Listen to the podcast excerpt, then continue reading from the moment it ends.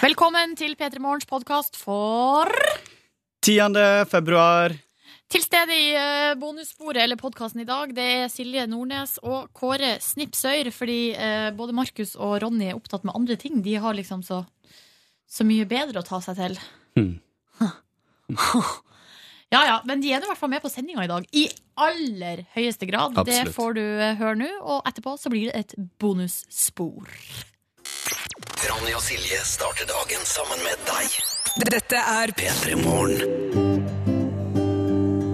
10. februar, tirsdag. Velkommen skal du være til en ny utgave av radioprogrammet Petra Morgen. Jeg som heter Ronny er her, Silje Nordnes er her, Hei, god morgen. og Markus Neby er. Yo, yo, god morgen. Yo, yo, mister. Ja, dere, da er vi altså Da ruller vi igjen. Februar? Ja, altså, vi er godt ute i februar. Det altså, fascinerer meg litt. da. Ti dager tar det før Markus oppdager ting. Februar! Jøsse navn. Februar! 2015. Ja da.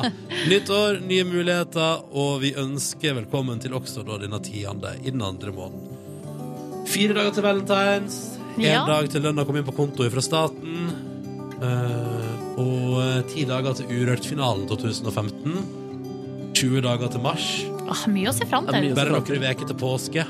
Nei, nei, nei. nei. Valentine's eh, Day på en lørdag kan også bli ganske bra greier, da. Ja, Eller hva, har du Ronny? noen planer, Markus? Nei, jeg har ikke noen planer foreløpig. Er-. Jeg har ikke tradisjon for å feire det. Men Nei, nei, nei. eh, kanskje det skal markeres. Oh. For dere, det er jo dere to her som på en måte har eh, en grunn til å feire. Det er dere to som er i forhold. Jepsi. Eh, Da burde dere jo, når dere har muligheten, benytte sjansen. Feirer det hver dag, jeg.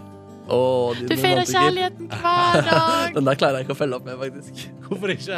Nei, det var altfor søtt sagt. Hæ? Nei! Jo. Men seriøst, du appreciater forholdet ditt hver dag, Markus? Selvfølgelig, selvfølgelig. Men Ja. jeg er ikke en valentinsdater Valentine's-dater hver dag. Nei, men jeg er ikke en valentines-dude, jeg heller, på en måte. Nei, men hva gjør Skal du markere Valentine's på noen Nei, måte? altså, jeg syns, eh, jeg syns eh, at hvis det skal gjøres, så skal det ikke Det er ikke noe gave eller noe sånt, men kanskje, vi, kanskje jeg og hun skal finne på noe hyggelig, vi to, bare. For eksempel. Det er mulig å gjøre sånne ting. Trenger ikke være noe rocket science eller noe fancy business.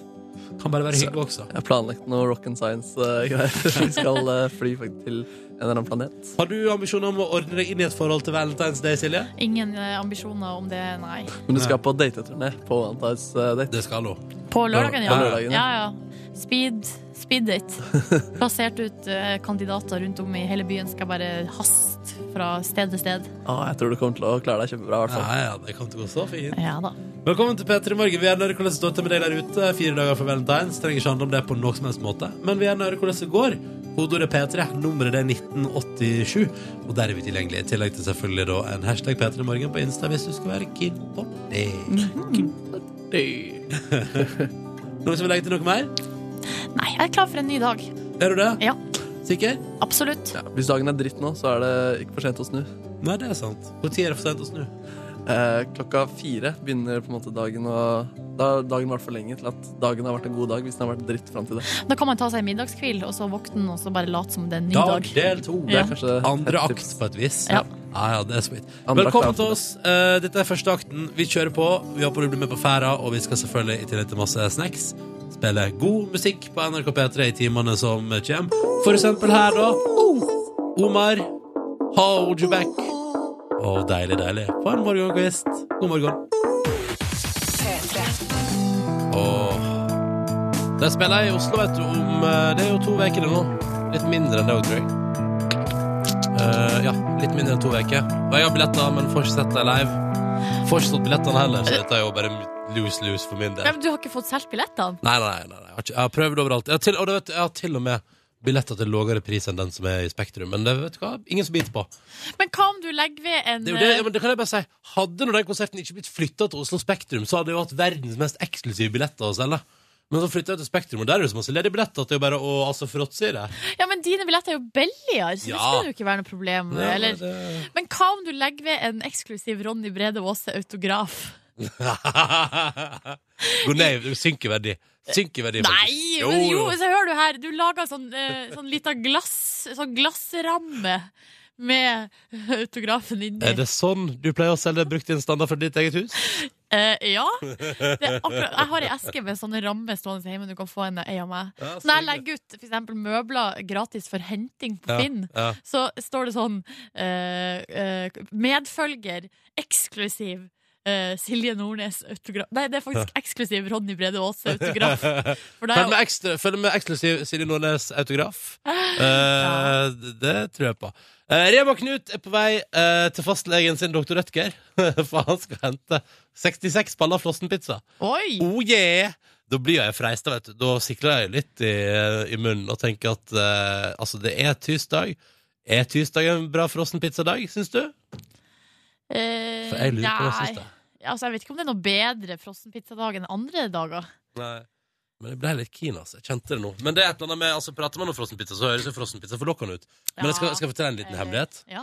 I helga eh, hadde jeg et uh, frossenpizzamåltid. eh, som Og da eh, Når du har spist pasta bolognese som du har laga sjøl i tre dager på rad, og så går du på en frossenpizza Ikke bra. Nei, det var, det var ikke så Smaker ikke godt, vet du. Det var ikke så sånn som jeg hadde håpa det skulle gjøre. Nei, smaker, smaker ikke godt. Nei, det, jo- godt var det, men det var ikke Men det er ikke godt nok. Nei, ja, ja, ja. Ja. Nettopp der. Har jeg blitt en fisefin fyr? Ja, jeg tror du har blitt fisefin. Æsj! Du må slutte å lage mat fra scratch. Nå er det nok. Du har blitt snobbete. Ja, ja, jeg må bare slutte med det nå. Tilbake til Frossenland. Her kommer jeg. Her kommer jeg. Snikkende. Ta med denne meldinga fra Sigrid også, da, som skriver God morgen! I dag tester jeg buss, tog og bane til jobb i stedet for bil, fordi jeg akkurat nå ikke har bil. Men jeg har kjøpt meg en ny bil som jeg skal hente etter jobb i dag. Wow. Historiens for meg raskeste bilkjøp. Fikk Finn-annonse på mail fra mannen min klokka ti en dag eh, sist uke. Avtale prøv, avtalte prøvekjøring eh, 12.30. Kikka. Prøvekjørte 14.30, signerte 15.30. Altså Hun så bilen på Finn klokka ti, og så halv fire samme dag, bom, så hadde hun kjøpt den. Det er sjukt, da. Ja, det går, da går det ganske fort. Ja, men da har du bestemt deg, da vet du hva du vil ha, og det er jo eh, positivt. Ja. Mm. Sigrid på 30 her, altså, da, eh, som har kjøpt seg bil, men i dag tar Jeg håper du får en fin tur på buss, bane, tog. Og at du, det blir stas å få bil i morgen, da. P3. Dette var en eh, Sondre Justad på NRK P3 og låta som heter Nu har du meg, når klokka er sju minutter over halv sju. Flott fyr, han Sondre Justad. Ah, flott. Han er ute med en ny eh, låt nå, som vi òg spiller her på P3. Eh, Det er over, heter den. Ja. Vet du hva jeg lurte på når jeg hørte de her sangene til Sondre Justad? Fordi den nye Det er over eh, handler jo litt om samme tematikk. Altså, her er det noe som har skjedd. Eh, Det er, det er ei jente, eller det er en kjæreste Altså, The One Who Got Away er det jo de her sangene handler om. Der eh, Hva skal jeg si Jeg-fortellerstemmen i sangen man, Det er jo nærliggende å tro at det er han Sondre sjøl, da. Som på en måte har latt noen eh, gå. Og så angrer han seg, og så vil han ha de tilbake.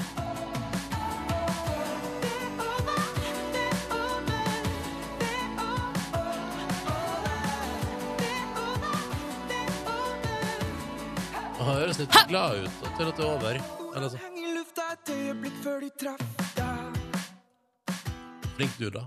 Vi ligger fremdeles nært, men jeg kjenner at du driver bort fra meg. Ja, det er ikke keen lenger, vet du. Nei, ikke ikke sant? Ja, ja. Men kanskje det er da man har en, når man ikke er keen, på et vis. At, altså, typ sånn at Idet han sier sånn 'det er over, jeg er ikke keen lenger', så ehm, Nei, det blir feil, for da er det den andre som har Nei, da blir det bare rot. Skjønner du hva jeg mener? At Idet den ene syns det er over, da blir den andre interessert. Ja, det er jo Ja. helt klassisk problematikk. Mm. Og det er fordi man vil ha det man ikke kan få. Er ikke det typisk? Vet du hva, Den egenskapen der er det dårligste vi har utvikla, vi mennesker. Av Ja, men hva skjedde i evolusjonen? Det er Ja, en, en feil, liksom. Feilkobling. Altså, vi er en gjeng med idioter. Ja. Uh, og der, det var der liksom der, det, det, der mener jeg er beviset på det. Det er at uh, vi altså er programmert til tydeligvis og å tenke sånn Jeg kan ikke få. Da må jeg ha. Ja. Kan jeg få? Jeg får ikke? OK, jeg vil ha. Og så man, har man det gående. Ah, Ah, ah. Nei, du vet hva. Vi nå, la oss ikke tenke på det. La oss eh, heller henge oss fast i SMS-innboksen. Og det er kodeord P3 første meldinga til 1987, da, hvis du vil delta der. Og da har vi fått uh, skogsmaskinfører Jonas sendt oss en melding. Og han skriver at han har, så- altså, nå har han altså sittet siden klokka fire i dag og grua seg til jobb. Eh, fordi da får tydeligvis alle andre på jobb for, de får se da, at han velta med skogsmaskina si i går. nei, Eh, Jon. Men Jon, du må ikke ta Du, du kan ikke sitte våken. Sånt skjer. Dette, og dette har skjedd med folk før deg. Ja, ja, ja. Men det, altså, neste gang eh, skogsmaskinen velter, så ville jeg tatt en telefon til eh, på en måte Han har kanskje ringt til sjefen og fortalt at eh, skogsmaskinen har velta. Det er kanskje de andre kollegaene han er redd Ja. for. Så blir det tyning hele dagen, ikke sant? Og jokes på hans bekostning. Da Og... foreslår jeg et lite bilde av skogsmaskinen som ligger på skeiva, og så eh, ut på Instagram med følgende kommentar Bra dag på jobb. Ja, ja, ja. Så får alle se det ikke sant? før Ja. de kommer på jobb, og, så er liksom, og da kanskje man har litt sånn spøkefull tone. Og Ja. da er liksom bråten tatt ut av det. Ja, men dere, vet du hva, der, Silje Nordnes kom nettopp i skogsmaskinfører Jon med en SoMe-strategi til deg. Eh, dette, dette der som du kommer nå, Altså- Ja. hadde bedrifter tatt betalt for i det, nei, det private næringsliv. Kan jeg begynne med Ja, konsulentvirksomhet? kanskje du skal det. Jeg som heter Ronny, og Silje her i radioen din, tenkte vi skulle ta en titt på avisforsidene tirsdag 10. februar. Og jeg kan godt eh, begynne med Dagens Næringsliv, altså. yep. Som har en stor sak på sin forside der det står 'Nå kan butikken følge deg overalt'. Det handler om at beacon-teknologien er på full fart inn i landet vårt, eh, Nordnes. Bacon-teknologien? yes. Nei. Du, på, det er, vet du hva det er oversatt til på norsk? Nei. Nettvarde. Du kjenner til fenomenet varde, sant? Ja, sånn som står på topp, det høyeste punktet, liksom. Ja. Og da er det liksom en liten sånn knaus, en liten varde, en liten hallois. Og i gamle dager ble det vel brukt sånn at, som en slags alarmsystem at man fyrte opp varden sin for å melde et eller annet. ikke sant? ja, ja. ja. Og litt sånn fungerer det. Altså det som er, basically, nå skal, jeg, nå skal jeg gjøre dette her på enkleste mulige måte for å forklare. ja. La oss si at du er en fancy butikk. Så står det på et utstillings... eh, På et sånt litt platå Så står det et par sko som du syns er digge. Så går du bort dit. Rappadappadat, og tusler bort til skoa. Ved skoa er det også en liten nettvarde som sender ut et Bluetooth-signal til din mobil og sier Ja vel, du ser på disse skoa. Kanskje du kan være keen på dette i tillegg, eller kanskje du vil se på disse skoa også, som uh, fungerer veldig bra. Altså via blåtann, ikke sant? ja. Og så uh, blir det lagra på mobilen din. Du trasker for eksempel da ut av butikken. Trasker hjemover. Du ser for deg sjøl, Silje. Du trasker liksom Jeg gjennom trasker eh, gårde. Oslos eh, urbane gater. Rappa, rappa, rapp. Så nærmer du deg et eh, La oss si at du nærmer deg et svært reklameskilt, da, som også har denne teknologien installert.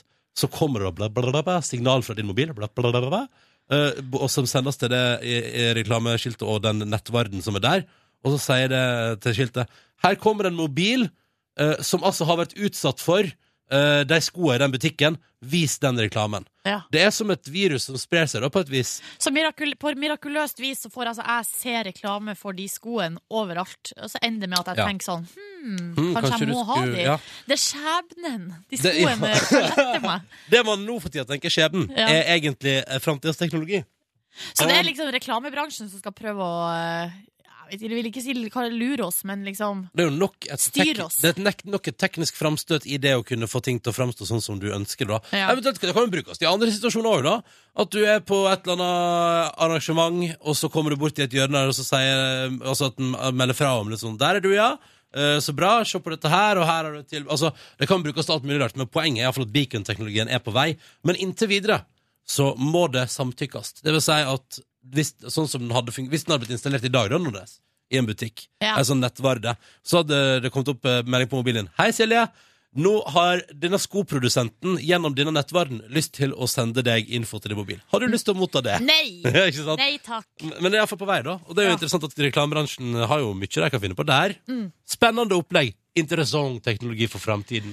Det blir spennende å følge med på. Eh, en annen ting som er interessant er altså i dag er eh, ordføreren i Tromsø og kona hans er altså da på for, forsida av eh, VG. Er det lokalpolitikk det handler om? Nei, det er på en måte egentlig ikke det. Eh, fordi det det handler om, er at eh, kona til ordføreren i Tromsø eh, Han heter Jens Johan Hjort. Eh, kona hans Nina Hjort hun la ut et innlegg på Facebook i går der hun bare sa nå er det nok. Nå er det så mye rykter om uh, utroskap, og at mannen min er utro. Og det er utro både her og både der. Og nå har han flytta ut på The Edge, altså det nye fancy hotellet i Tromsø. Um, og så uh, vil hun på en måte bare avkrefte alle ryktene. Hva, sånn- hvor kommer hotellet inn i bildet? Det var at han, hun har kasta han ut. Det er ryktet. Å ja. Ryktet som går på Ja, byen i Tromsø, er at rykte som hun, går er at hun har kasta han ut. hun har kasta han ut, så han må bo på hotell. Ja. Og det er liksom ikke måte på, da. Jeg så på internett i går at det om, eller de sier at hallo, dette utroskapsryktebonanzaen i Tromsø der ødelegger hele familien. Ja, ikke sant? Og det skal man huske på når man sprer rykter der ute, folkens. Kan jeg ta med en siste sak fra Klart Dagbladet? Eh, det handler om Coca-Cola Life. Unnskyld? Coca-Cola Life. Bom, bom, bom, bom, bom, Vanilla Life. Nei, altså Coca-Cola Life. Uh, sier jeg det feil? Si det en gang til, du, så tenker jeg at Coca-Cola kommer til å sende deg en kasse. Nei, la oss snakke om den her uh, bru grønne brusen fra en uh, stor brusprodusent. Der, som ja. visstnok skal være så utrolig sunn. Ja, jeg skjønner det, da. Grønn etikett, og det skal altså være Det er ikke måte på. Hvor mye sukker tror du som er i den brusen? Nei, øh, jeg vet, det vet jeg ingenting om. Tror du at det er mye sukker eller lite sukker? Jeg tror det er lite sukker, men samtidig tror jeg at de eh, Kan jeg gjette på at de sukrer for å veie opp for at de For de bruker kun naturlige produkter inni der? Er ikke det Ja, som de har sånn stevia som er sånn Ja, ja. ja, ja. Fan, eh, altså, er ikke konseptet, men at den er Altså, det er lite fake ting. Ja. Masse ekte ting. Og da tipper jeg at det er litt mer ekte sukker. Ja, for det er altså Det er mindre sukker enn i vanlig rød eh, brus av Mm. samme type. Eh, men det er fortsatt eh, 13 sukkerbiter i en halvliter. Ja, Det er jo nesten ingenting. Nei, det er mye! Jeg trodde det var sukkerfri brus. Jeg er Nei, lurt. nei, Føler den- meg lurt. Nei, den er sånn Den er sånn annen type sunn. Sånn her får ikke du i deg noe tøys. Sunn. Naturlig sunn. Ja, ja, ja, så der, er- det, det er to forskjellige typer sunn. Det er rare stoff sunn, og så er det naturlig naturlig sunn. P3. På forsiden av Dagens Næringsliv i dag så handler det om sånne reklamebeacons som kan bli mer og mer vanlige. Det er på vei inn i landet vårt. Altså små nettvarder som sender info til mobilen din om produkt du ser på, og sånn, og så er det en lytter som skriver sånn Kult å ha vært på kondomeriet før du går forbi en sånn reklamebriken. For da er det snakk om at den lagrer info om hvilket produkt du ser på i butikken på mobilen din, og så viser den deg reklame for det produktet på sånne svære posters når du går på hjemover.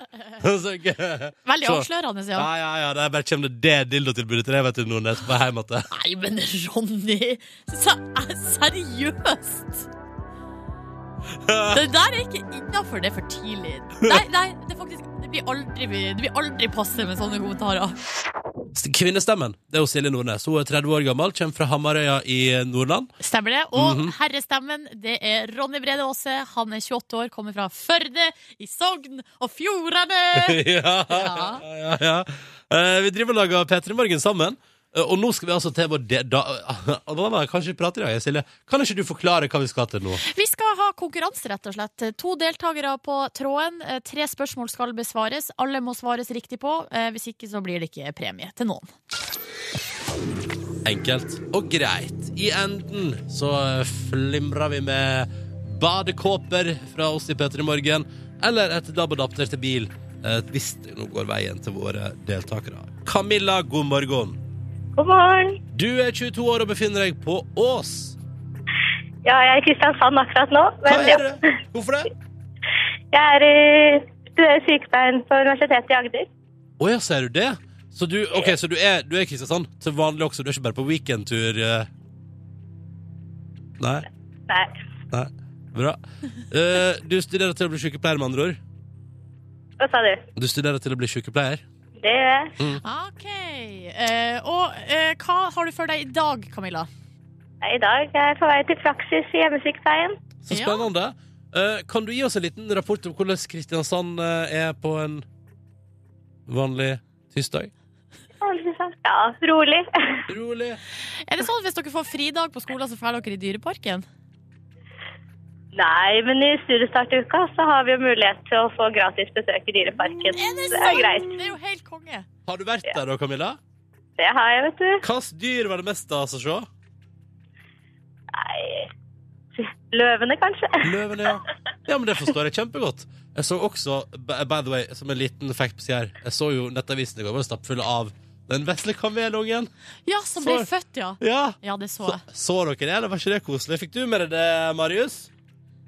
Uh, nei, det gjorde jeg ikke.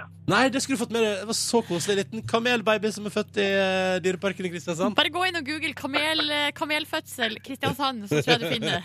Ja, for Ja, det den, skal jeg gjøre. Ja. det er den eneste som har foregått i Kristiansand, ja. Uh, Marius, du er 18 år og fra Bodø. Yes. Ja, ja, ja. Og så er du platearbeiderlærling. Ja. Mm. Hva gjør du på fritida, da, for, uh, når du skal kose deg ordentlig? Jeg skal kose meg ordentlig. Ja. Nei, jeg blir vel film, uh, frossen pizza og uh, popkorn. Oi, oi, oi, oi. Høres ut som noe for Ronny. Hva dri... oh, du hadde digga du òg, Nordnes. Hva eh, drikker du til, eh, Marius? Når du først sitter der med frossenpizza, film og popkorn. Hva jeg drikker? Ja, Ja. hva, hva velger du som foretrukket drikke? Cola, Cola, ja. vanlig rød cola, eller har du prøvd deg på den nye, der, den grønne? Jeg har ikke prøvd den nye grønne. Nei. Men sunne. Ja, Cola skal jo ikke være sunn. Nei. Marius med kloke ord der, etter det så at det er god inngang til konkurranse. All right, vi kjører på. Vi begynner med Camilla, da. Er du klar? Ja. Ja. Spørsmålet som går til deg, lyder som følger. I helga så gikk amerikanernes utgave av Spellemannprisen av stabelen. Kanye West var på scenen. Sam Smith ble kåra som eh, årets store vinner. Men Camilla, hva heter denne amerikanske prisutdelinga? Grammys. Fikk du litt hjelp der? Hva sa du? Fikk du litt hjelp der? Ja. Nises i bakgrunnen. Hvem er det du har med deg i bakgrunnen der, Camilla? Det er Thea. Vi sitter på bussen sammen i dag. Å, så koselig. Var det Thea som kviskra inn i øret ditt? Ja. Ah, ja. Og det skulle du være glad for, for hun kviskra jo fullstendig riktig. Oh. Yay! Hey! Bra! Da er vi ett skritt på veien. Ja, ja, nå nærmer vi oss her, altså. Eh, det betyr at Camilla har nå unnagjort sin del av konkurransen, svart på sitt spørsmål. Marius, alt står og faller på deg nå. ja, takk for det. Jo, bare hyggelig. Marius, spørsmålet til deg lyder som følger. I det siste har et ekstremvær herja store deler av landet. Og det har vel, når du nå er fra Bodø, så regner jeg med at det har herja ganske greit oppe hos deg også. Vi lurer på Det stemmer, ja? Ja, litt. Ja, litt, litt grann. Vi er vant til vind i Bodø. Så det Ja, ja, ja. er ingenting utenom normalen her. Eh, det vi lurer på, Marius, er hva navn hadde ekstremværet i helga? Jeg var han Ole. Han Ole, ja. Kan du si Nå kommer han med han? Nå kommer han med han. Ja, ja, ja. Fullstendig riktig! Ja, ja, ja. Både Camilla og eh, Marius har nå svart riktig på sine spørsmål i konkurransen vår. Begge er ferdig med sin innsats. Så da skulle man jo i en vanlig konkurranse tenkt sånn Hurra, da blir det premie på begge. Men her i P3 Morgen har vi et ekstra ledd. Liten twist. Mm. Og hvis det nå blir svart feil på neste spørsmål, så som det jo ble gjort i går, så blir det ikke premie på noen. Eh, Fordi det siste spørsmålet skal besvares av enten meg eller Silje. Jeg svarte feil eh, i går. Svarte, jeg visste ikke hvor myntenheten Dong! dong kom fra. Ja, da lærte vi at det var i Vietnam. Da vet vi det nå. Camilla, du er deltaker nummer én. Hvem syns du skal svare i dag? ja, kanskje Silje skal få lov i dag, da. Ja, ja, ja, ja, jeg stoler ikke på meg mer. Det forstår jeg kjempegodt. Ai, ai, ai, ai, ai. All right. Ikke flir på den måten her. Åh, dette vet ikke jeg om jeg Jo, jeg hadde klart det, tror jeg. Jeg drar ned lyden på Marius og Camilla så de ikke kan hjelpe deg, Silje. Kan ikke Thea få kvisker i øret mitt òg? Eh, ikke i dag.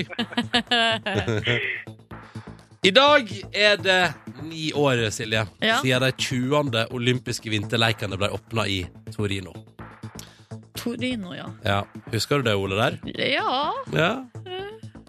Etter dette har Canada og Russland arrangert vinter-OL.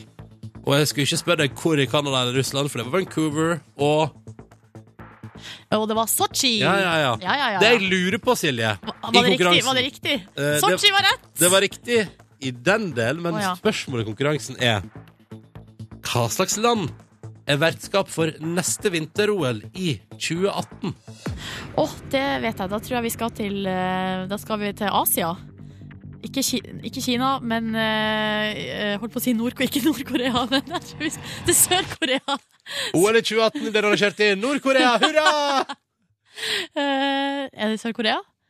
Og hva er det da? Oh, det er ikke Seoul. Nei, det er ikke Seoul. Nei, ikke svar Seoul. Ikke Nei, si Sør-Korea. ja. Det var landet du lurte på. Ja, det var landet jeg lurte på, og det er fullstendig riktig. Hva heter byen? Eh, det er jo den derre Har du det på lappen? Ja, ja. Pye- Pye- Pyeongchang. Eh, Pyeongchang? Da må de få seg et lettere navn. Pyeongchang? Pyeongchang? De har tre ord på seg. Pyeongchang, Pyeongchang. Pyeongchang. Jeg burde sikkert visst det. Hei, Camilla og Marius. Gratulerer så mye, da. Jo, takk. Hvordan føles det hvordan føles det Marius? Føles ganske greit. Ja, ja, det tenker jeg meg. Camilla, hvordan skal du feire? Nei, det blir kanskje is etter jobb i dag, da. Ja, hvorfor ikke gå for det midt i februar? Ja, ja, ja. Kunne valgt, uh, valgt varm eplekake eller noe, men du går, du går for is. Det er greit. Eh, Camilla Marius, gratulerer så mye, og tusen takk for at dere var med begge to. Dere skal få premie i posten. Så håper jeg at dere får en nydelig dag, og takk for at dere var med. Ha det bra! Ha det godt. Å, det er gøy når det går veien. Ja, det er deilig. Ja, det er så fint. Og så bra, Nordnes. Du naila ditt. Ja, det var flaks, men jeg er opptatt av eh, vinter-OL, vet du. Ja, ja, Eller ja. Marit Bjørgen mest, Hold og om hun skal være med eller ikke. Ja, for det var det jeg spør. Holder Silje Nordnes, langrennsekspert, holder Marit Bjørgen til 2018? Jeg er litt usikker. Hun vil jo ikke svare på hva hun skal gjøre i fremtida, så Nei. det er umulig. Umulig. Ja, å si. Umulig. Og nå må vi snakke bitte litt om eh, politikk, fordi nå koker det på Stortinget. Det koker! Eller det er litt sånn dårlig eh, stemning, særlig blant de som egentlig skal være venner og samarbeide. Altså Høyre, Frp i regjering, og så er det KrF og Venstre som da liksom eh, er sånn støtteparti. Sånn at jeg skal få flertall. Ikke sant? Og da har jo de fire i lag laga en avtale da det ble regjering, om at øh, oljeboring i Lofoten, Vesterålen og Senja, det skulle man ikke gjøre. Mm. Det er for at det vil ikke KrF og Venstre. Men nå har det jo blitt en situasjon der han eh, justis... Altså han Anders Anundsen, han får ekstremt hard kritikk på grunn Ja. av det asylbråket. Asylungebråket. Jeg vil si, han står i hardt vær for tida. Han står i hardt vær, og da øh, driver jo øh, politikere fra KrF og Venstre og tar til Altså, de driver og sier sånn Nå, han må gå av. Uh, vi, han, det er ikke bra nok. Vi sto, det er ikke tillit. Vi stoler ikke på han. Vurderer å fremme sånn mistillitsforslag. Mistillitsforslag, ja. Eh, Men nå, da. Nå svarer da Frp-politikerne med å uh, slå ring rundt uh, sin minister og si sånn OK! Hvis det skal være på den måten. Hvis dere tar Anundsen, så tar vi Lofoten, Vesterålen og Senja. Og da borer vi olje, så det Ja. det er ingen morgendag. Oljespruten skal stå kilometervis opp i været, altså. Nå Ja. skal det skje. Og det er jo her jeg, jeg, jeg lurer litt på. Er det, jeg, jeg, blir, jeg blir litt sånn nervøs hvis det er sånn man skal begynne å styre landet, med sånn Å ja, OK! Greit, men altså, greit. Hvis dere, hvis dere vil gjøre det på den måten, ja, vet du hva, da legger vi eh, 15 km med vei ute i intet her, bare for å bruke opp de pengene. Ja, ikke sant? Altså at man begynner med sånn eh, Hvis du gjør det, gjør jeg ditt, da. Ja, litt sånn barnslig, litt sånn hevntanke, Ja, rett og slett. jeg, jeg, jeg blir litt nervøs når hevntanke skal styre landet. Ja, helt enig. Helt enig. Ikke. Men samtidig, så det er vel sånn politikk er. Jeg tenker Man må, man må ikke bli overraska over at de holder på med hestehandel, egentlig. Nei, hestehandel, det vet vi at de driver med. Det er jo gøy å se når en ny regjering skal sette sammen hva man på en måte da, hvilke hester man da velger å selge med, Ja. og hva man går med på. Det er jo sånn, at, sånn som når for eksempel plutselig kristendommen dukker opp igjen i RLE-faget. Så bare ja, sånn, det var interessant. ja, puff, der kom den! Ja ja, da skjønner man at det er kompromiss! Men de kunne jo trua med det òg, da. OK, hvis dere tar uh, Anundsen, da forsvinner uh, kristendommen fra religionsfaget. Ja, men i stedet så velger man liksom å ta sjølve eh, Altså sjølve storsaken. Ja, ikke sant? Altså, ja, nei, ok, bare få kasta justisministeren fordi dere mener at han eh, gjør en dårlig jobb, dere. Så tar vi bare og kjører opp 15 nye oljeplattformer i Lofoten der. Ja. Ødelegger utsikta. Jeg veit ikke om jeg liker tanken. Nei, jeg er også litt sånn eh, skeptisk. Eller ja, Nei, jeg liker ikke det der. Liker ikke den eh, altså, Jeg liker ikke at det er dårlig stemning generelt. Ja, kan ikke de bare skjerpe seg, alle mann? Og, Og ikke- kvinner. Og er det, ikke, altså, er det ikke lov å spørre om sånn Skulle ikke dere bare tatt en liten oppvask på et møterom i Stortinget? Jo, men det er bra at vi får det her. Altså, er det bedre at de driver og kokkelerer på Stortinget, så det er ingen som vet hva de holder på med? Nei, jeg trekker det tilbake. Jeg trekker det tilbake asap. Ja. Men uh, prøv, prøv, kjære politikere der ute, dere som eh, er våkne og som kanskje til og med hører på.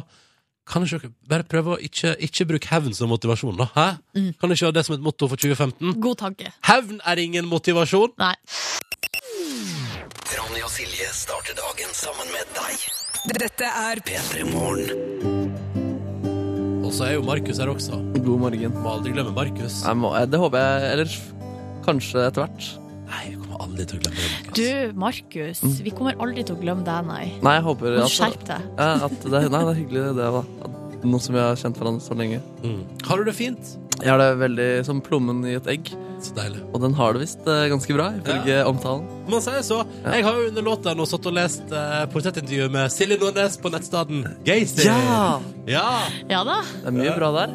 Du synes det var et fint intervju, Nordnes. Ja, det var hyggelig det. Å eh, få litt eh, blest på internett. jeg trenger det. jeg trenger det. Ja, ja, et åpenhjertig intervju om eh, det å komme ut av skapet og Både i livet og på radio, skal jeg si. Ja da. Ja, det, dette synes jeg var, nei, det synes jeg var skikkelig koselig, Nordnes. Ja. Ja. Stemmen vi våkner opp til.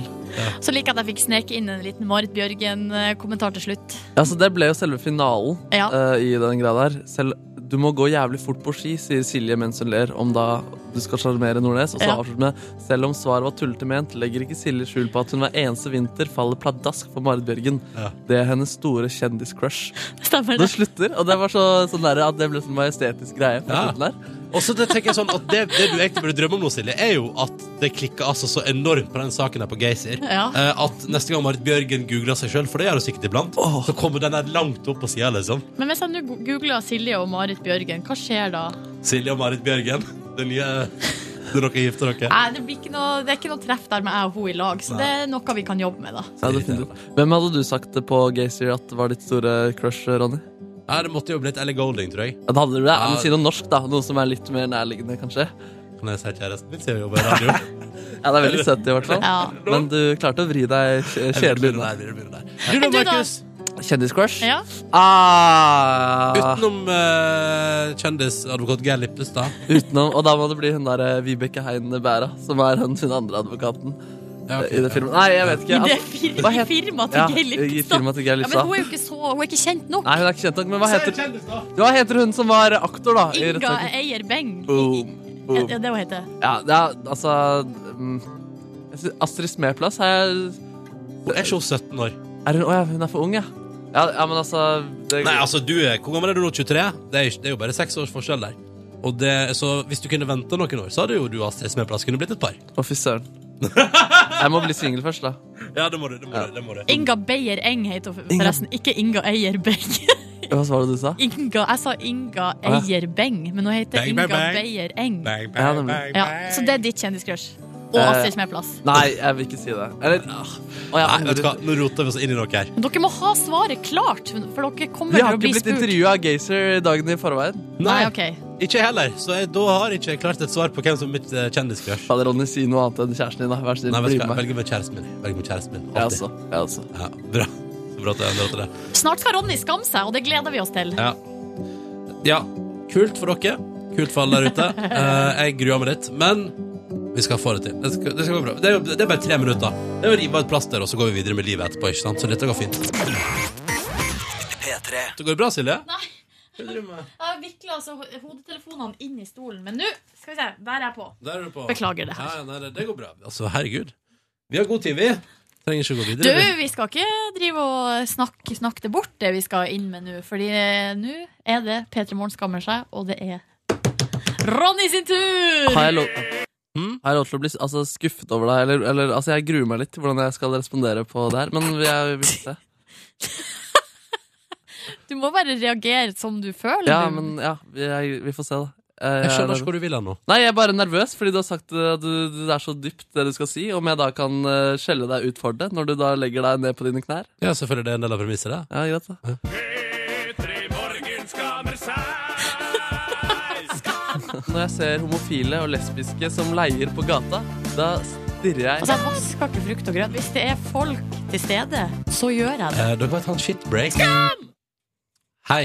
Hei, Ronny! Hei. Det er altså min tur. Ja. Og nå skal jeg bare tenke i hodet mitt at det er tre uker til neste gang. ja, eller det er ti sekunder til neste gang. Mm. Jeg eh, prøver å være med i, eh, på hva som skjer i verden, nyhetsbildet. Ønsker å være en oppdatert fyr. Ønsker å få med meg hva som skjer. Ønsker å ha oversikt over konflikter i verden og, og hvordan ståa er. Man burde jo det for å være en god borger. Ja, I og det samfunnet. syns jeg. Og jeg, jeg streber jo etter det.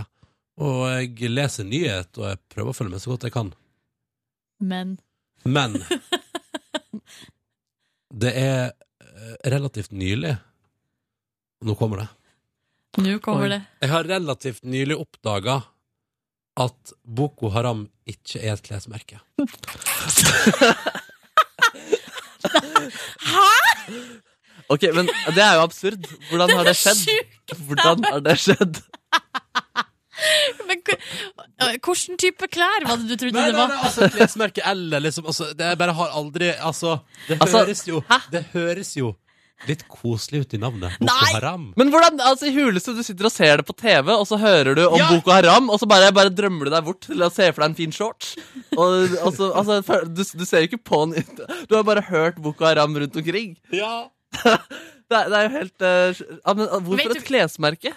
Nei, det, bare, det bare kunne hørtes ut som det. Jeg vet ikke, det, altså, det, bare, det har bare flydd forbi, på en måte. Vet du hva. Boko Haram betyr? Eh, eh, ja, det vil si, jeg leste det Jeg har lest meg opp på det nå, ja. Ja, OK. Ja. Hva betyr det? Det betyr oh, ja, du har det der borte på maskinen din nå! Er det mulig? Du visste vi kom til å ja, kviste deg jeg visste dere kom til å si det. Ja. Det betyr vestlig utdannelse er en synd. Ja. Ja, Og det visste jeg ikke før nylig. Altså for Så når folk sitter rundt lunsjen og prater, det er så forferdelig, de greiene der, og så Jo, tenker du at de prater om klær? Jeg har fått det med meg i det siste. Men har fokuset på Boko Haram vært der i media veldig lenge? Det har vært, altså det var vel, kom vel som, som mest da det var den kidnappinga av de 200 jentene, og det er ganske lenge siden. Ja. Det fikk du med deg. Da stil, stil, Erna Solberg stilte opp med Ja. sånn lapp og sa sånn 'Bring back our girls' og sånn. Ja, ja, det har jeg fått med meg. Men, men, men vi snakker liksom om at det, det er liksom Jeg har måttet Altså, det er et eller annet med at når, det er først når medieoppmerksomheten går oppover, at Ja. jeg legger Ja. OK, jeg skjønner. Vi kan ikke, vi må, kan, du kan ikke skylde på media nå, Ronny, at media har har hatt for lite Men det er, så- det er det. så sykt at du har fått med deg navnet, og så har du bare liksom fortrengt det som har blitt sagt om det. ja. Det er jo igjen det, er det jeg sier, altså. Jeg, jeg drømmer om å være eh, til stede i samfunnet fullt og helt, og 100% Men er det noen, altså, Al Qaida, tenk, hva tenkte du, er det også et klesmerke? Eller IS? Jeg vet IS godt, har noen utrolig fine sko. Jeg vet godt hva Du vet, det- du har fått med deg de, da. Ja. Ok, Men eh, hva skal du gjøre? Eh, Skal du nå eh, begynne å følge med? Ja, men jeg, fø- det er det jeg følger med. Men Boko Haram har altså lenge gått under radaren. Men jeg, har- jeg har- bare, bare si Som sagt, det, det er inntil nylig. Jeg har fullt- jeg har full kontroll nå. Nå har du full kontroll. Men nå må du inn og sjekke alle klesmerker for å sjekke hva de egentlig drev med. Er egentlig Dior noe som driver med plagg? Ja, nei, nei. Eller driver de også med Åh, grusomme gøy. ting? Ja, det er jo helt, det er jo helt forferdelig. Det er Ja, helt det forferdelig. er, eller Egentlig så er det mest overraskende, syns jeg. da Jeg synes det, er helt, det er ganske imponerende. Ja, jeg syns det er interessant Ja. på en eller annen måte. Hvordan eh, det har skjedd seg til. Men du er sikkert ikke alene om å ha en sånn eh, b- eh, svart flekk på Nei. eh, Du, ikke gå helt ned i kjelleren. Nei, nei, nei, jeg bare, bare sier det. Jeg tror ikke jeg er alene om det, men jeg tror Nei, jeg vet ikke. Det er bare ja, Det var nå en liten skam fra deg. Og jeg skammer jo over det. Jeg skammer jo inderlig og dypt over det. Ja, det burde du. Ja, det burde du. Nå har jeg letta samvittigheten min litt. Føles det bra? Nei, det har ikke det. det. Vi spiller Muse. Madness heter selvsagt eh, låta som du har fått i P3 Morgen.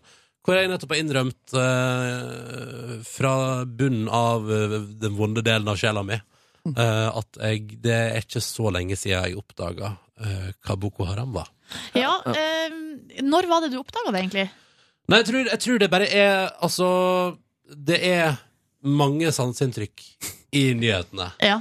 Uh, og så tror jeg at på ett Altså er det liksom bare sånn Av og til så forsvinner kanskje ting, ting Noen ting blir kanskje nevnt én gang, men så er det det jeg tror det liksom bygger seg opp i repetisjoner det blir mer omtale om, og ting som For eksempel i dette tilfellet, da. Når du hører om grusomme hendelser, og så er det på ett tidspunkt der synker det liksom inn sånn. Nettopp. Eh, men jeg husker ikke når det var. Nei. Men, Ja, bare, eh, når det ble til et klesmerke, er det, altså det er det som er så absurd der. da Det er ikke at du ikke vet hva det er, det er at det, er et klesmerke. og et eksempel. Det kunne også vært en matrett som en lytter påpeker på SMS her. Her er det en lytter som skriver med koder P3 til 19 Det er betongarbeider Birger på 18 som skriver Hva i huleste er Boko Haram? Støtter Ronny her. Høres ut som en matrett. Hadde null peiling på det. Men så skriver også Robin eh, på 25 Tror det er noen tidligere Paradise Hotel-deltakere som deler din skam, skam Ronny. Ja, da sa det en som skriver eh, Drit i det, Ronny. Du er fortsatt verdens beste radioprater. Er Og det, og det er ikke, men det tenker jeg ikke Det er ikke relevant akkurat nå. Da. Nå prater vi om at Ronny tror Boko Haram er et klesmerke. Men her er det en som er 31 år gammel bibliotekar, som skriver Hei, jeg visste ikke at Mount Everest var en del av Himalaya før inntil i går. Jeg trodde det var i USA. Ja, ikke sant? Så det er jo det, Man har noen hull. Altså, jeg har ei venninne eh, som er altså 30 år. Som eh, Det er kanskje tre år siden hun oppdaga at skjærtorsdag Nei, Um, Oi, du, er det, bare du som hadde hullet?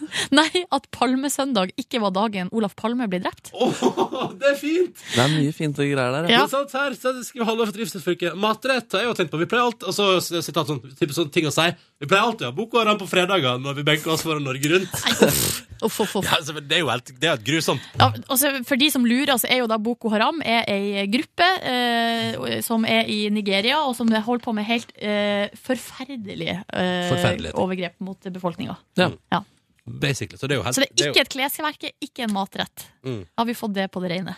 det er helt jævlig. Altså, det har vært på det rene ganske lenge, Ja, det, tenker har, jeg da. ja, det tenker jeg òg. Og så er det ikke et eh, ja, det er, Men det er greit, kanskje.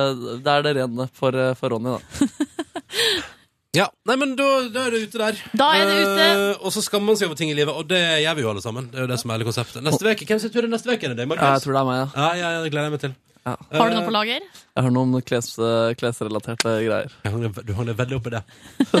Eh, om eh, litt i P3 Morgen så eh, skal jeg eh, gjøre en eh, hyggelig gest overfor alle oss som våkner av ei skrikende vekkerklokke hver eneste dag. Det er ganske mange av oss som Det gjør det. Det er mange av oss Ja. som våkner til den samme pipinga hver dag.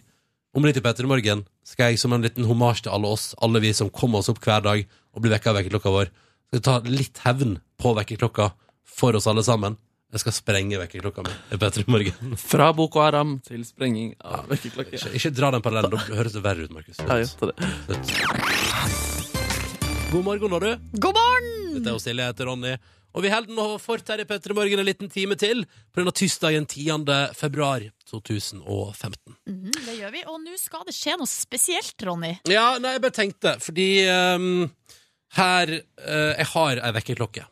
Ja, Den har du snakka mye om i P3 Morgen. Det er en sånn som lager ekstremt høy lyd. Og den har fulgt meg hele tida i P3 Morgen også. eh, fordi jeg trengte den. Fordi hvis jeg skulle prøve å komme opp klokka fem hver dag, så trenger man eh, krutt. Så det har vært en sånn, Den heter Sonic Bomb. Uh, og den kan gå opp til 120 desibel. Er det ikke den du har fått klage fra naboene på? Jo, jo, skal jeg, vet, jeg har faktisk et lyd Jeg skal finne fram eh, Jeg har lyd av det, skjønner du. Ja, det vil, jeg, det, ja, jeg har bare hørt så mye om denne klokka, men aldri hørt hvordan den høres ut. Jeg har testa den på radio her òg for noen år siden. Men uh, den høyrest, Skal vi se. Ja. Eh, sånn her høres den ut. Her er, dette er et lydklipp. Dette eksempelet er også med en sånn ristefunksjon, men bare hør på den pipelyden.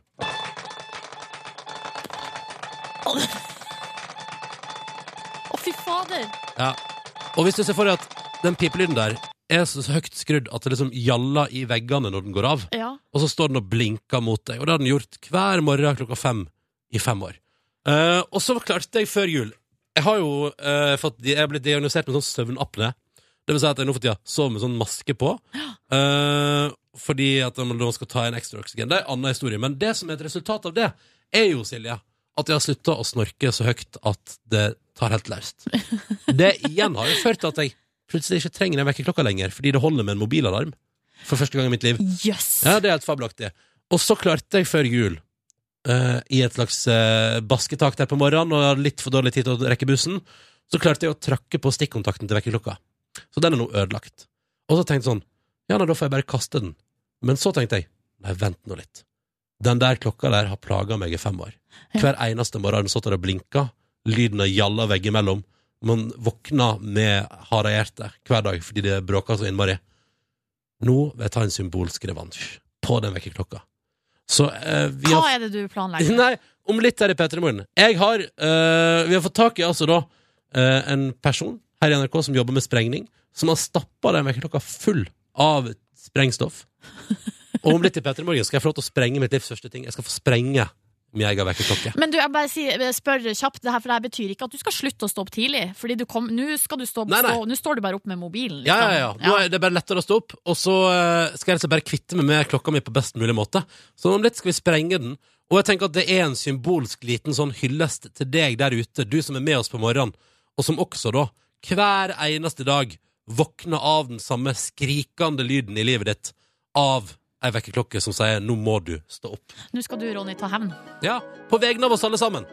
Har du irritert deg over vekkerklokka di? Straks skal du få utløp gjennom radioen når jeg nå skal gå ut av studio, ned i bakgården her på NRK, og skal jeg sprenge vekkerklokka mi.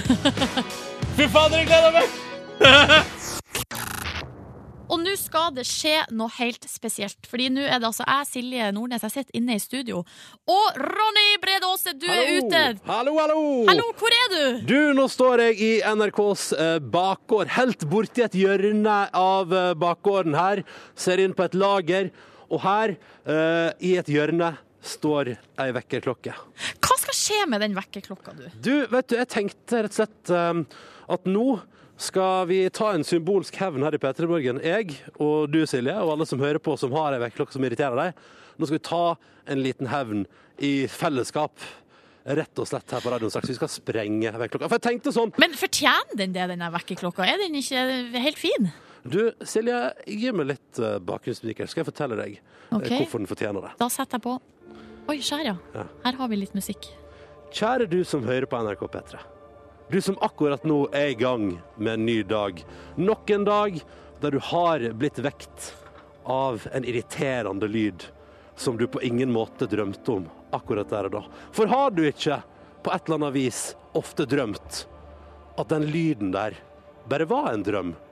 Hvor mange ganger har du ikke satt beina dine i iskaldt gulv og kjent at du skulle ønske du kunne trekke deg til det igjen, men du veit at den lyden du hører, betyr at det nok en gang er dags. Og det handler ikke om å snuse. Det er ikke mulig lenger. Du må opp, og akkurat nå så må du gjennomføre det som er planlagt.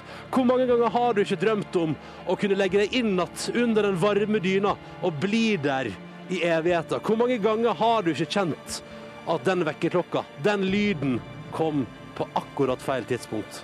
Hvor mange ganger har du ikke fantasert om å kaste vekkerklokka di ut av vinduet? Eller rett i badekaret og la den synke til bunns i vann og på den måten slutte å fungere? Hvor mange ganger har ikke du drømt om å knuse den med en hammer? I dag skal den drømmen bli virkelighet gjennom radioen. Nå, kjære P3-lytter, kjære Silje Nordnes, alle sammen! Nå skal vi i fellesskap sammen her, i stedet for å gi vekkerklokka en liten runde utfor verandaen eller en tur i badekaret, så skal vi gå til kjernen. Vi skal gå til den beste måten å ta kollektiv hevn på dette apparatet som tvinger oss opp til samme tidspunkt hver dag. Om bare noen få minutter i P3 Morgen skal jeg sprenge vekkerklokka mi, og jeg skal gjøre det for alle oss som våkner til den skjærende lyden hver eneste dag. Er du klar, Silje Nordnes? Jeg er klar. Jeg er klar. Jeg er klar. Så bra! Fordi når jeg kommer tilbake herfra, så har vi altså da planta altså et lass med sprengstoff på denne stygge Sonic-bomben som jeg har hatt i fem år. I fem år har jeg våkna av den klokka fem hver dag. Og den har gitt meg altså et eh, lydvolum som tilsvarer 120 desibel. Den har gitt meg blinkende lys, og den har stått der i hjørnet og ljoma så det smeller veggimellom. Nå skal den vekkerklokka dø. På vegne av alle med vekkerklokke der ute. Åh, det her er jo beint fram rørende, Ronny. Er du klar? Jeg er klar, men eh, da spiller vi en liten eh, tune.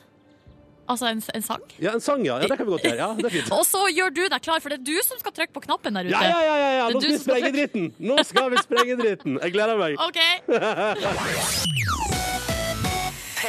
Ronny Bredåse, du Silje skal eh, Drømmen skal komme i oppfyllelse. Du skal sprenge vekkerklokka di! Ja, jeg tenkte hvorfor kaste den i søpla eller levere den til gjenbruksstasjonen når du kan sprenge den på radio som en slags eh, symbolsk eh, handling for alle oss som blir tvunget opp på vekkerklokka vår hver eneste dag. Nå har vi rigga oss til her. Jeg må bare si dette her blir filma i aller høyeste grad, og det kommer til å dukke opp eh, video på internett i løpet av dagen, så dette, dette skal man få mulighet til å se, og nå skal man få høre det. Ja, men det er ikke du, Ronny, som har rigga opp det her. Det er forhåpentligvis det er noen Nei, nei, som har hjelpa deg litt. Erik, du er sprengningsmannen her. Hva, er det vi skal gjøre nå? Hva er det, hva er det vi har planta i vekkerklokka mi? Nei, nå har vi plantet litt eh, eksplosivt lurium opp Ja. inni der, som, eh, som avfyres med batteri. Som du skal få gleden av å trykke på med knappen her nede. Og så skal det da presumptivt eksplodere. Pang. Hører du dette, Silje? Ja, jeg hører det. Jeg hører det. Uh, og, har, og det er sånn svær rød knapp og sånn. Så spørsmålet er jo, hvor lenge har du lyst til å utsette dette, Silje? Nei, altså, det er ikke opp til meg. Det er du som er sprengnings... eh, Ikke eksperten, men eh, altså den som skal utføre det her. Jeg har aldri sprengt noe i hele mitt liv. Nå tenker jeg at vi gjør oss klar å kjøre. Hæ? Ja, jeg er klar. Ja, Erik, da må vi gjøre klart her. Hva skal vi se? Da armerer vi eh, greien der. Den er armert. Den er armert. Og så starter vi den kanalen. Da lyser den her. Da er det bare for deg å trykke på den røde knappen. Da trykker jeg på den røde knappen. Nå skal jeg trykke på den røde knappen, Silje. Da sprenger det, altså. Ah, OK. Er du klar? Ja, Nå jeg skal er klar. jeg sprenge. Kjære alle sammen. Vi våkner hver eneste dag av den skjærende lyden. Nå er det nok. Nå trykker jeg på knappen. Tre, to, én Det var gøy! Hørte du det? Jeg hørte det veldig, veldig Det der godt. er- Og det rista, vet du. Det rista! Hvordan så det ut? Hæ? Hvordan så det ut? Nei, nå jeg, må springe bort. Jeg står selvfølgelig på trygg avstand. Altså, for det første var det altså, det var, eh, det, Nå ryker det altså så enormt der borte. Må og, det lukter svidd. Ja, det er jo ingenting igjen. Ligger bitene spredd utover hele Ja, ja, ja, altså, jeg, vil si, jeg vil si pulverisert. Hallo? altså Å, så deilig! Føles det deilig? Føles, det ut som at du på en måte at du har, Nå har, du har du fått vekkerklokka fått det den fortjener? Ja, jeg tror det, vet du hva? Det der Altså, Når jeg nå eventuelt investerer i en ny vekkerklokke, så kommer jeg til å bare liksom altså, eh, visualisere hver morgen den dagen jeg skal sprenge dritten. Skjønner du? For dette der var verdt hver en eneste morgen klokka fem. Hver morgen klokka fem har det der irritert meg altså så grenseløst og vekka meg på mest mulig brutal måte. Ah. And now it's no more. And now it's no more. All right. eh, Og nå vet Det du det. var, det eh, var sjukt digg, Silje. Det Ja. var sjukt digg. Og nå vet du for fremtidige vekkerklokker du har på en måte makta. Ja, ja, det Det er du som bestemmer over den klokka der. Åh, jeg Ja. vet, ja, ja. Og så kan jeg, jeg kan si til når jeg våkner på morgenen sånn Don't you fuck with me, for jeg kan sprenge det hvis jeg vil. Med litt hjelp fra NRK, med litt hjelp fra NRKs uh, sprengningsteam, så går det bra, dette her. Må ha det. Ja, ja. All right. eh, Det, det er bra. Det, det gjalla godt også på radioen. Vi må spille litt musikk, Ronny, så må du komme deg tilbake inn. Jeg skal komme tilbake inn! Ja. Heia! Heio! P3. Er on mine med Fort Lean her på P3 Morgen, hvor Ronny nettopp har altså sprengt eh, vekkerklokka si, og budbil Mats skriver på SMS. Eh, han har også ei vekkerklokke han skulle tenkt seg å sprengt. Og Susanne hun bor på Blindern eh, her i nærheten, hørte smell, smellet helt opp eh, dit. Og nå ja, nå er Ronny på vei inn igjen. Hallo! Ja, det tror jeg på. Åh, Jeg kan bare, bare skyte inn fra sida her, da. Så er det så et par sånne folk på kontoret ved sida som er sånn derre hva er det som Hva er det, hva er det dere driver med? Nei, vi har sprengt ei vekkerklokke, det er jo helt normalt. Ronny, nå har vi fått brakt inn i studio her eh, det som er igjen av vekkerklokka di. Vil du se? Ja. Her kommer den. Da-da! Og det er altså bare innmaten. eh, Det ser ut som juletrepynt. det ser litt ut som juletrepynt. Ta lukt på det, Ronny. Det lukter skikkelig svidd. Ja, dette er svidd. Og det er faktisk bare litt sånn der databrikker og ledninger igjen. Det- Det det, det ser, dette her ser ut som en bombe. Det som er igjen etter at Ronny da har sprengt eh, vekkerklokka si som en symbolsk handling eh, for alle som er litt lei av eh, å bli vekka tidlig på morgenen. Ja, ja. Og jeg lover deg, kjære lytter, eh, det er gøy på radio, men gled deg til det kommer video. Filmer fra flere vinkler, slow motion, altså vi snakker full pakke. Og vi skal få det ut på Facebook-sida vår. Facebook kom med Petter Morgen i løpet Husker av du dagen. hvordan det så ut? Altså, jeg bare, jeg bare husker, for jeg står liksom bøyd nedover, og så spør jeg han te- sprengduden hvor lang tid tar det fra jeg trykker på den røde knappen til det sprenger, og så er han sånn Det skjer instantly.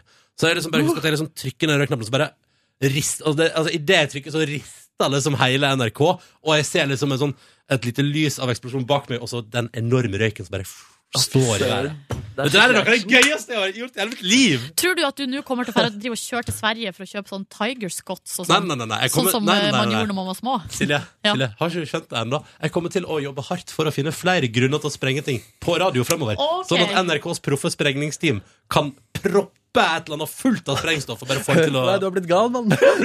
Ja. Ja, ja, ja. Jeg ser det flere som spør sånn Hva skal du våkne av nå, da? Og k- hvordan skal du få kjøpt en ny vekkerklokke når du har minus 16 på kontoen? Denne klokka var utdatert. Den var ferdig. Den var utgått på dato. Og så har jeg, eh, og så har jeg på grunn av kronisk sykdom eh, fått meg sånn apparat som er pusta litt lettere med nesestøvet, som igjen fører til at jeg ikke snorker og søkt, og som igjen fører til at jeg våkner lettere. Fader, jeg våkner, nå våkner jeg av et bil, Hvis jeg kjører en trailer forbi utafor, så våkner Ja, for nå er det sånn at ditt eget snork overdøver ikke alt, Nei. alt annet. Nei, og, men eh, tidligere da, så er jeg glad for at eh, Tenk på den nabobikkja. Om det hadde vært en nabobikkje som hadde vekket deg tidligere. Det er bra at det var en vekkerklokke. Ja, Det var jeg veldig godt. Jeg ser også en kommentar fra en forelder som skriver at eh, de tror at ungen på ni måneder, selv om den vekker deg hver dag, skal få lov til å leve videre. Eh, godt, godt poeng. Markus! Nok om vekkerklokkesprenging. Dette får du full update på på Facebook om P3 Morgen utover dagen. Hva skal du nå? Du, eh, Tore Halvorsen er med i Firestjerners middag denne uka her. Da tenkte jeg nå, da må jeg huke tak igjen, og det fikk jeg jammen meg gjort. Så jeg vil finne ut om jeg klarer å gjøre alt dansbart sammen med Tore Halvorsen. Så i går så satt vi jo sammen i studio, jeg med en synt, han med en gitar, Og så prøvde vi å tralle fram noen kjedelige tekster til å bli fengende melodier. For det er han som har 'Å, så tjukk du har blitt'. Ja. Skal du si hadde slanka deg litt? Jeg glada fanns. Ja, ja, ja, ja, ja. Og en fantastisk mann. Vi hadde en veldig trivelig stund i går. eh, ja, hvor vi rett og slett spilte musikk og feilet og lo og koste oss masse. Så vi skal bare få høre to nye låter. Utdrag av to nye låter vi har lagd. Så koselig. To nye låter. Låter som vi har lagd. Markus og Tore Halvorsen fra Ole Ivars, altså. Kan alt bli dansbart? Vi får svaret straks i P3 Morgen. Først rykende fersk norsk musikk fra Arcane Station. No diggity! Dette var Blackstreet på NRK P3. Ni minutter på ni, og nå skal vi endelig få høre, Markus. Du har altså da hooka opp med, teama opp med Tore Halvorsen fra Ole Ivars. Det stemmer. Som nå rocker litt på Fire stjerners middag, eh, dansefoten sin også. Så jeg, jeg måtte huke tak igjen og finne ut om vi klarer å gjøre alt dansbart eh, sammen. Mm. Så jeg tok med en eh, liten synt med diverse lyder, og han, han ga jeg en liten gitar. Og så har han selvfølgelig stemmen sin. Og jeg tenkte, kan han gjøre alt dansbart? Og hva er det på en måte folk syns er litt kjedelig, men som kanskje er nyttig, da? Mm. Navnene på alle, i, alle ministerne i regjeringen. Så det tenker jeg sånn, det er litt sånn, det burde man vite, men det er litt eh, for kjedelig å pugge alle sammen. Så vi lagde en liten eh, låt eh, der vi synger om alle navnene i regjeringen. Her hører vi i hvert fall starten og et slags refreng på den her, der jeg spiller syntbass, han gitar. For det er regjeringen Solberg med Erna i spissen. Skal du ha kunnskap, må du spørre i saksen. Børge Brenne ordner utenriksen. Finansminister er Siv Jensen. Dansbart, det der. Kjempedansbart! Ja, ja. Jeg fikk lyst til å gå på lokalet og ta meg en sving om. Danse til regjeringsmedlemmene. det er Ja. det. Og så fortsetter refrenget litt, og da blir det litt sånn allsangmuligheter eh, uti der også. Tine Sundhoff er opptatt av miljø. Tor Lien energi og olje. Horne, horne, horne, horne, horne, horne, horne. Gjør barne, barne, barne, barne, barne, barne, barne. Høye, høye, høye, høye, høye, høye, høye. Gir helse, helse, helse, helse, helse. Sør det Ja, og så fortsetter den da, med flere regjeringsmedlemmer etter hvert. Og En annen ting som jeg tenker også er veldig kjedelig og uinteressant, er innholdet i en melk. Eh, Så det har vi også prøvd å lage en liten sang av, der jeg spiller syntsaks, og han tar seg av sangen og gitaren.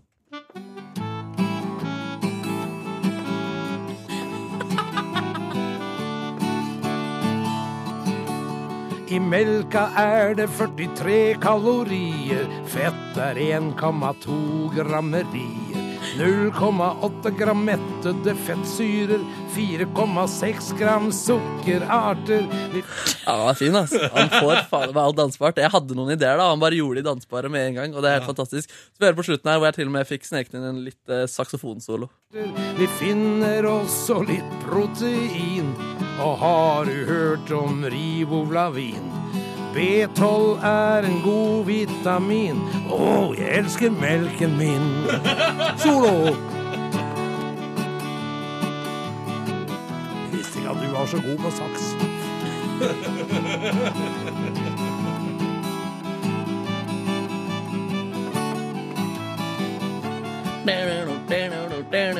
Ah, jeg får lyst til å danse med en gang! Ja, du, jeg mener, mener du det? Ja, ja, ja. Ja. Å, Åh. dette var gøy. Finn fram sånn parkett, sånn dansegulv, så du bare klikker fast på gulvet. Eh, danse, altså dan danseplatting, rett og slett. Danseplattingen, få den fram! For Markus og Tor Alvorsen fra Olivers har gjort melkekartongen dansbar. Ja, jeg tenker det er en god sånn pedagog pedagogikk i det også. Kjedelig pensum kan man eh, få mer spennende med Tore Halvorsen fra Olivers. Åh, nei, dette var gøy. Tusen takk eh, for at du delte dette med oss, Markus. Ja, tusen takk for at jeg fikk plattformen til å dele det med dere. Det ligger et eh, søtt bilde av de to på eh, Facebook. Ja. Og så kommer det video ut, eh, utover dagen. Nei, der, ja. P3 responderer, Markus og Tore live. Altså, på det bildet så ser det ut som Markus er psykopat. Eh, Bortsett fra det er det veldig søtt. Seriøs musiker. Ja. Oh, ja, okay. det er det det heter. Det er det det heter. P3. Bonusspor med Silje og Kåre! Bo, bo, bo. Hva er det du har for noe der borte? Jeg har bare en, en skei og en sånn yoghurt. Ah, ei skje Ja. til yoghurten din. Ja. Ja ja, er du sulten? Er det det du holder på med? Lite grann. Det har vært en innholdsrik eh, morgen. Ja? Ja, gøy. Så du har ikke fått tid til å spise frokost? Nei. Knapt. Knapt med det. Knappast. Knepper mine fingre. jeg er litt overtrøtt. Altså, jeg var så hysterisk trøtt når jeg våkna i morges. Altså sånn trøtt at eh, når jeg skulle sminke meg Eller jeg klarte ikke å ha øynene åpne på badet. Sto sånn eh, Ja, bare å myse. Det var helt forferdelig. Hvor mye sminke bruker du? Eller hvor lang tid bruker du på sminking? Når du ser på meg, hvor mye sminke tror du jeg bruker? Hva tror du jeg har på meg nå? Jeg tror du har på deg litt blå maskara. Blå? Ja. Nei, den er svart. Ja, men her om dagen så var den blå. Nei, den er, jeg har bare svart. 100 sikker. Der jeg sto og så på deg. Når vi sto ute på eh, taket her om dagen Nei, jeg er jo ikke noe blå maskara. Det Ja, men, ja, men da, da blir den blå i et visst lys. optisk illusjon. Ja. Ja, det kan hende. Jeg ble litt overraska. Blå maskara, ja. Var det fiffi? Fancy? Ja, det var fiffi. fiffig. Det var fancy. Det var litt sånn eh, Jeg fikk litt sånn uh, dynastiet-feeling. Hva mer har jeg på meg? Uh, og du har iallfall et beautyfilter. Et live beautyfilter. Nei, jeg tror, du, jeg tror ikke du bruker kjempelang tid, men det, um, Men det er du er naturlig veldig fin. Det er artig med gutter, for sånn som Markus han, Når jeg sa at jeg brukte å sminke meg, så ble han så overraska, for han trodde at jeg ikke gjorde det. Men da, det er så naivt å tro at det skal ikke gå an. Han er så ung. Han er så tror sikkert ikke at dama heller sminker seg. Ja. Det jeg har på meg, er jeg har litt eh, concealer, som sånn dekkgreier på og under øynene, og litt sånn på litt sånn røde flekker og sånn. Og så har jeg på meg markert øyenbrynene litt. Mm. Så har jeg øyenbryngelé. Så Nei. jeg vet ikke om det funka, men det er bare, det er sånn, eh, jeg tror at det funka. Sånn, for man legger brynene sånn veldig fint. Mm. Og så har jeg litt øyenskygge, faktisk. Og, eh, og maskara. Men da er er det jeg det veldig naturlig look. Fin, naturlig look. Takk for det, Kåre. Hvordan sminke har Tenk du hvis du på hadde kommet her hver morgen med smoky eyes og skikkelig nattklubbsminke. Det hadde vært litt rart. Hadde vært litt rart. Ja. Du, har du noe sminke på deg? Eh, nei, jeg bruker bitte litt olje i skjegget. Ja! Beard oil. Eh, og så eh, bruker jeg ingenting. Bruker litt eh, voks i håret. Mm. Fint lite. Eh, For du har ikke så har- mye hår. Nei. Eh, og jeg skal til fri frisøren på torsdag. Det gleder jeg meg til. Men du har jo ikke noe hår. Hva er det du skal klippe? Av? For det første så skal jeg Du ny runde hår. med skjeggstuss, for det begynner å bli ganske så eh, Fifty Shades of eh, Grey. uh, og så uh, Altså på grunn av fargen.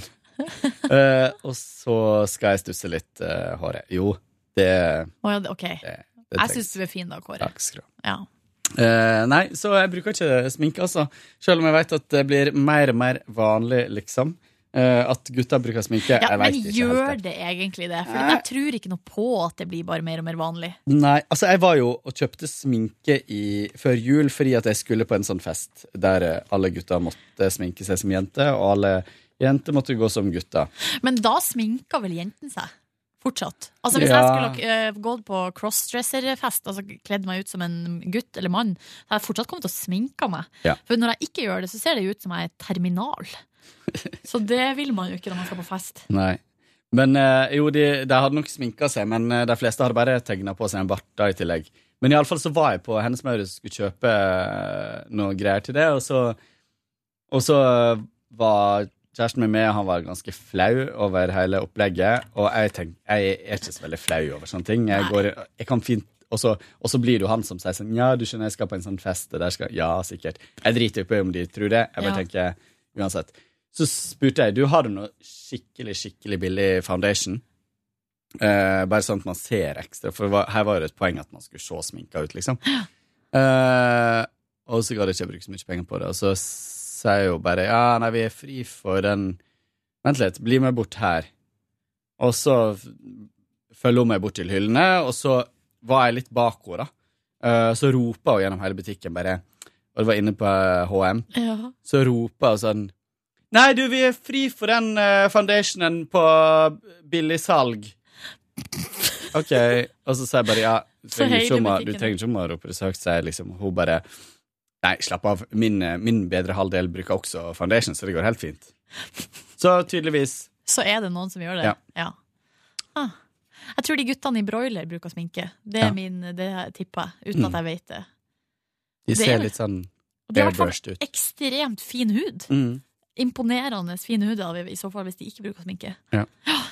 Nei da, det er nå sånne ting vi sitter og tenker over her, yeah. da. Nå, men hvor lang tid jeg bruker, det spurte du om. Jeg yeah. bruker OK, nå skal du høre hvordan det er. Jeg står opp eh, Jeg står opp klokka ti på Nei, hvordan blir det her? Jo, ti på halv. Uh, altså, jeg skal egentlig stå opp ti på halv seks. Ja. Men så eh, blir det alltid litt mer. Og så går jeg på do, og så kler jeg på meg klær, og da skal jeg helst være ferdig og, og kledd på til halv. eh, halv seks. Og så eh, vasker jeg ansiktet, tar på eh, fuktighetskrem, sminker meg, ordner håret. Det skal skje på ti minutter. Ja. Ja, Men så blir det gjerne tolv. Eller den blir gjerne liksom litt over. Mm. Og så er det da ca. åtte minutter satt av til å smøre matpakke. Eh, og eh, ta på sko og eh, finne Ta på yttertøyet. Og så, det her er en liten fun fact fra mitt liv, så skru, er lyset av på kjøkkenet. Så da går jeg alltid med skoene skoen og yttertøy og alt på. Det siste jeg gjør før jeg går ut av leiligheten, er at jeg går bort til, kjøkken, til mitt kjøkkenvindu og ser ut om det er noen der.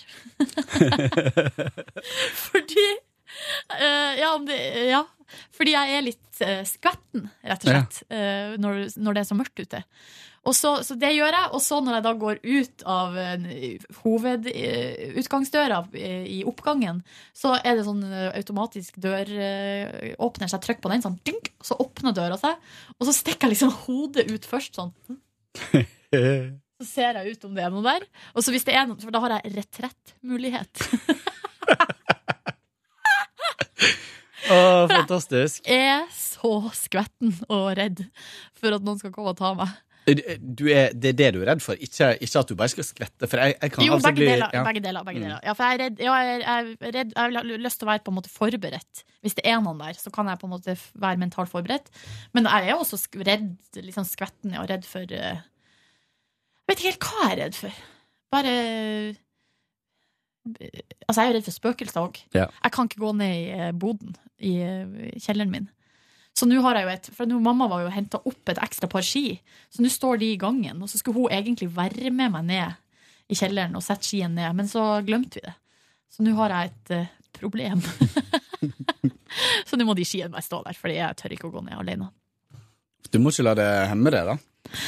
Men eh, det er jo lett Jo, å si. Jo, jeg vet at jeg ikke må la Og jeg Mm. har vært nede i boden alene, det har jeg vært eh, et par ganger, og da har jeg alltid hatt eh, no Da ringer jeg til noen. Ja. Så jeg har de på tråden, liksom. Kan det hjelpe å sette på bare musikk på telefonen? Nei, da blir det jo lettere å snike seg innpå. Jeg tenker litt sånn gladmusikk, ikke sånn ikke sånn skrekkfilmmusikk, da. Ja, ja. Nei, uff, Nei, jeg skjønner. Nei. Men jeg har alltid vært sånn. eh, Ja. Og da, rett etter at jeg ble singel og samboeren min flytta ut, så var jeg jo skvetten inne i leiligheta mi. Ja. Men det har roa seg. Nå eh, er jeg trygg inni der. Men jeg sjekka jo at døra er låst ca. en million ganger om Ja. dagen. Så jeg er borte og bare Men det kjenner gjør jeg døra. også. Og det handler om den frykta for å skvette. For jeg, eh, jeg bor i første etasje, og der er ganske mye sånn folk som kommer og skal selge ting og sånt på døra. Ja. Og jeg har opplevd at folk plutselig har eh, ringt på enten at jeg ikke har hørt det, stått i dusjen eller et eller annet, og så har folk bare gått inn. Da I leiligheta, Ja, ja. liksom. Nei, det er jo helt hårreisende. Men jeg, men jeg er litt sånn at jeg ikke åpner døra hvis det ringer på, da. Nei, det gjør ikke jeg heller. For det er ingen av mine venner som vil eh, komme uanmeldt. Så det er bare slutt med. Bare slutt med det. Slutt med det. Ja. Ja ja, nei, hva gjorde du i går da, Kåre? Mm, I går så var jeg på kafé på Majorstua etter jobb. Eh, spiste en liten foccaccia. Eh, det var ikke så veldig godt. Eh, og snart eh, får du høre hvorfor. Eh, men så satt jeg der med en venn av meg, og vi var begge så utrolig trøtte at det var den merkeligste kaféturen jeg har hatt. For vi satt liksom bare og prøvde å opprettholde våkenheten, holdt på å si. Eh, så det var litt sånn eh, Det var litt eh, ikke, Det hadde ikke så mye for seg å gå på kafé i går, kjente jeg. Så da dro jeg hjem, sov 20 minutter. eh, lagde Eller varma opp eh, chili con carne som jeg hadde fryst. Lagde guacamole, kosa Ja, du oss sendte med det. snap av det, det så ekstremt godt ut. Ja, det var veldig godt. Ehm, og så um, så jeg litt på TV og sånt, uh, og blant annet så så jeg da uh, en utrolig spennende dokumentar mm. uh, på HBO Nordic som er akkurat blitt sluppet, så det kommer en episode hver mandag. Som handler om ei drapssak i USA. Og jeg fikk litt sånn serial eh, Hvilken drapssak er det? vibe. Det er, det er Jeg tror det er tre drap. Det er seks episoder i den eh, dokumentaren her. Det er tre drap som er eh, Som er bundet sammen. Eh, og jeg veit jo ikke så veldig mye annet enn det som skjedde i første episode.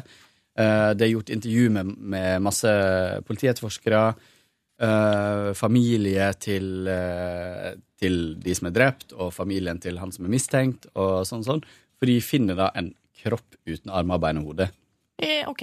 Og så finner de sånne mm, søppelposer flytende med disse andre kroppsdelene, bortsett fra hodet. Så klarer jeg å finne ut hvem denne personen her er, spore opp en, en eh, fyr som de tror har gjort det, som ser litt sånn shabby ut og bor i en sånn shabby leilighet. Så viser det seg at han er arving, en av de liksom, største arvingene i USA. Familien hans eier sju skyskrapere på Manhattan. Oi, oi, oi. Uh, og så er det masse familiefeide inni der, og uh, Og så tar hele dokumentaren ei vending, og det er at uh, Jeg skal ikke spoile noe, men, men det har vært laga en film, jeg tror den heter All Good Things, med Maggie Gyllenhaal. Ja, den har jeg hørt om. Eller. Kirsten Dunst. Usikker. Jeg blander de to Ja, alltid. de to er lett å blande. Ja. Selv om hun ene er blond og andre ja, mørk. Det er ja, litt rart. Men jeg tror de kom omtrent sammen. samme Ja. Ble kjent på samme tid, så tror jeg kanskje de er venner. Altså. De har jo vært med i den samme filmen. Du vet den filmen med Julia Roberts? Mona Eh, Lisa Smile? Nei. Ja, er det den Ja, som er fra den sånn, sånn jenteskole den, den filmen liker jeg egentlig ganske godt. Jeg elsker jo sånne jenteskolefilmer. Mm. Ja. Bombe! Mhm. Og så um, Så det har vært- laga en spill, spillefilm om eh, ett av disse drapene. Uh, og så uh, tar han som er mistenkt, som jeg da ikke tror Åh, det blir vanskelig. Som jeg ikke tror har blitt tatt for mordet. Han tar kontakt med filmprodusentene og spør om de vil ha et intervju med han. Ok. Og første episode av dokumentaren slutta med at han setter seg ned, de rigger kamera, nå skal han snakke. Og så og så, slutter han. Og så er det ei uke til neste. Og det, det virker veldig I'm intrigued, for å si det sånn. Ja. Eh, tilbake til eh, Kan ikke du sende meg kaffe, Kåre? Jo. Jeg skal jeg hente meg litt eh, dårlig, eh, dårlig vane her oppe i under leppa. Nå må Jeg vi kose oss. Nå må vi kose oss. Jo, for eh, bare en liten detalj. Eh, den eh, foccacciaen jeg spiste i går, var så vassen og dårlig. Hvor var det henne? Det var på kafé Det var ikke en kjede? Nei. Nei, men da trenger Da vi ikke si det. Nei. Um, og så eh, og, det, og grunnen til at den var så dårlig, var at jeg på lørdag spiste verdens beste foccaccia Hvor var det? på foccacceria på Grünerløkka. Er det en plass som heter Focacceria? Ja, det er, det er Villa Paradiso rundt hjørnet. Så det er sånn bitte lite utsalg av pizzadeig, foccacciadeig, ferdig foccaccia og pizzasaus. Kan man sitte der, eller? Ja, det der er typ eh, kanskje fire til seks plasser i vinduene. Ok, ja. Eh, men ellers er det takeaway. Men det var koselig å sitte der. Eh, ikke så dyrt. Og helt fantastisk god foccaccia med fyll oppå, som de varmer for deg. Supersprø i bunnen, og så mjukere og mjukere, og deilig fyll. Og det var, det var fine priser, og veldig, veldig koselig. Men det blir jo litt som Altså, det blir jo bare som en pizza med tjukk bunn, da, nesten. Ja, men det er jo et eller annet med Det er ganske mye olje i den deigen. Ja, det så det blir blir liksom Det var bare veldig smakfullt og super perfekt. Eller perfekt som hvis du er bare ute og vil ha en liten Altså. Lillebroren min, han, han som er 24 nå, han eh, har alltid vært så flink å lage mat. Og så Da han var veldig ung, eh, han var sikkert ikke mer enn 12-13 år, så begynte han å lage pizza hjemme. Sånn hjemmelaga pizza. Eh, og den var helt ekstremt god. Og så, så det var på en måte hans liksom, oppgave, var å lage pizza. Og så eh, var det en gang hvor mamma var litt sånn For hun hadde liksom ikke fulgt med så nøye når han drev og styra på kjøkkenet der. For at det var, da var det jo liksom han som Da lå jo hun gjerne på sofaen, liksom, eller Mm. holdt på med noe annet. Eh, så skulle hun da finne ut hva som var hemmeligheten. Altså, hva, var det han, eh, hva var det han gjorde? Og da oppdaga hun at det var altså så ekstremt mye olje i deigen. Det var det som var hemmeligheten, da. Ja, så det var litt komisk. For da liksom han, bare fulgte ikke noe oppskrift og bare slumpa oppi, liksom. Ja, men så lenge det er godt. Ja, det var En gang i veka så går det bra. Ja, det må være lov. Vi, lagde jo en gang, vi hadde jo en gang eh, generasjonsfest, jeg og lillebroren min. Det har vi hatt flere ganger. Så gøy. Der vi eh, inviterer alle vennene våre, så så blir det sånn aldersspenn fra liksom 18 til 40, liksom. Og da var det en gang vi hadde en sånn fest en sommer. Da lagde han eh, Tarjei han lagde kanskje ti pizzaer, liksom, sånne store. Som bare, han sto på kjøkkenet og bare mata ut pizzaer, liksom, ut i festen. Var, og da blir det sånn at, at når folk da får så mye mat, eh, og, og da blir man for det første ikke så full. Eh, og det blir ikke sånn overstadig, og folk, det er ikke sånn at folk bare slokner rundt. Så festen tok aldri slutt, liksom. Og det var den gangen jeg gikk og la meg klokka halv ni. Og da la jeg meg på rommet mitt, og så hørte jeg oppe i, ute på Da satt de ute på eh, verandaen, for det var på sommeren. Og da hører jeg at lillebroren min er inne i stua og bare skrur opp musikken igjen. Her tar det aldri slutt! Å, så gøy. Ja. Festen som aldri slutta. Ja. Men var det, med, var det alle generasjoner? Altså var det foreldrene Nei, for det her er jo sånn som vi bruker å gjøre når mamma og pappa er borte. Eller vi har faktisk gjort det vi har, eh, Noen ganger har vi hatt vors. Det hadde vi ikke nå i jula, eh, men for to år Altså i, i 2013, i jula, så hadde vi vorspiel hjemme hos oss før andre juledag.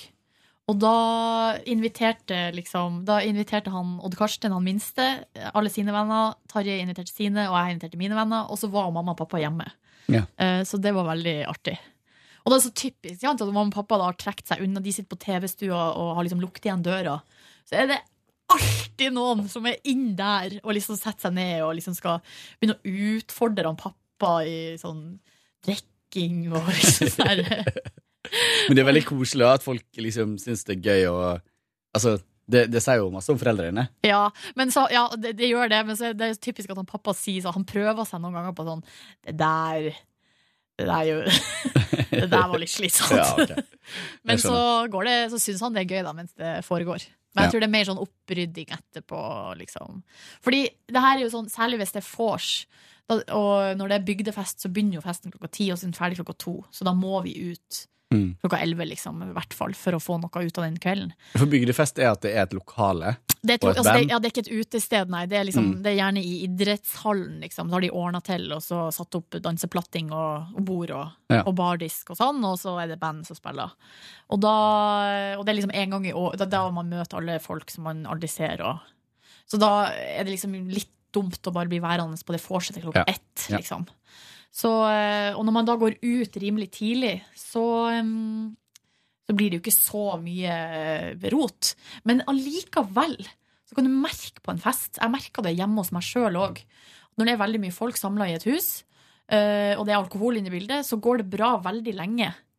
Men så er det et punkt der det på en måte liksom Det bikker over for alle.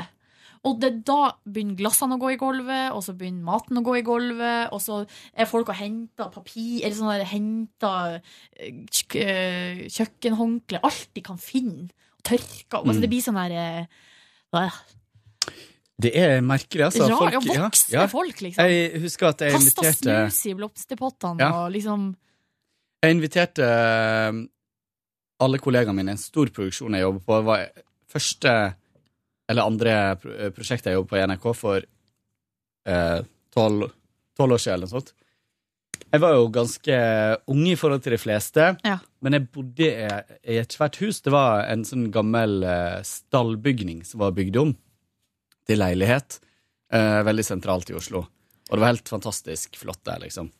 Eh, murvegger, bjelker i taket og oh. Sjukt kult.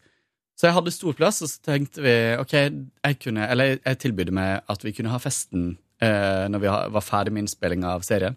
Så kunne vi være der. Så alle kom jo, både skuespillere og, og team. Eh, og så eh, bestilte vi catering, noe sånn tapas-ting, og hadde papptallerkener og sånne ting. Og jeg tror liksom i kanskje et Jeg veit ikke, jeg. Jeg syns det var ganske sjenerøst av meg å ha det hjemme hos meg. det var ganske generøst Og meg deg. så, kanskje tre måneder etterpå, så fant jeg fremdeles sånne papptallerkener bretta i to med noe sånn eh, daddel innrulla i bacon og kyllingspyd inni der. Ja. Pressa bak bokhylla, liksom. Flere. Men da tenker jeg sånn, hvor mye kosta det egentlig å gå opp ut på kjøkkenet og kaste i søpla? For mye. Ja, tydeligvis Mm. for mye. Nei, folk, ass. Folk. Av og til så, eh, så Ja. Så må man oppføre seg. Men det har gått veldig bra hjemme hos oss altså, når vi har hatt fest. Jeg husker veldig godt en gang, men det var jeg mye mye yngre, da.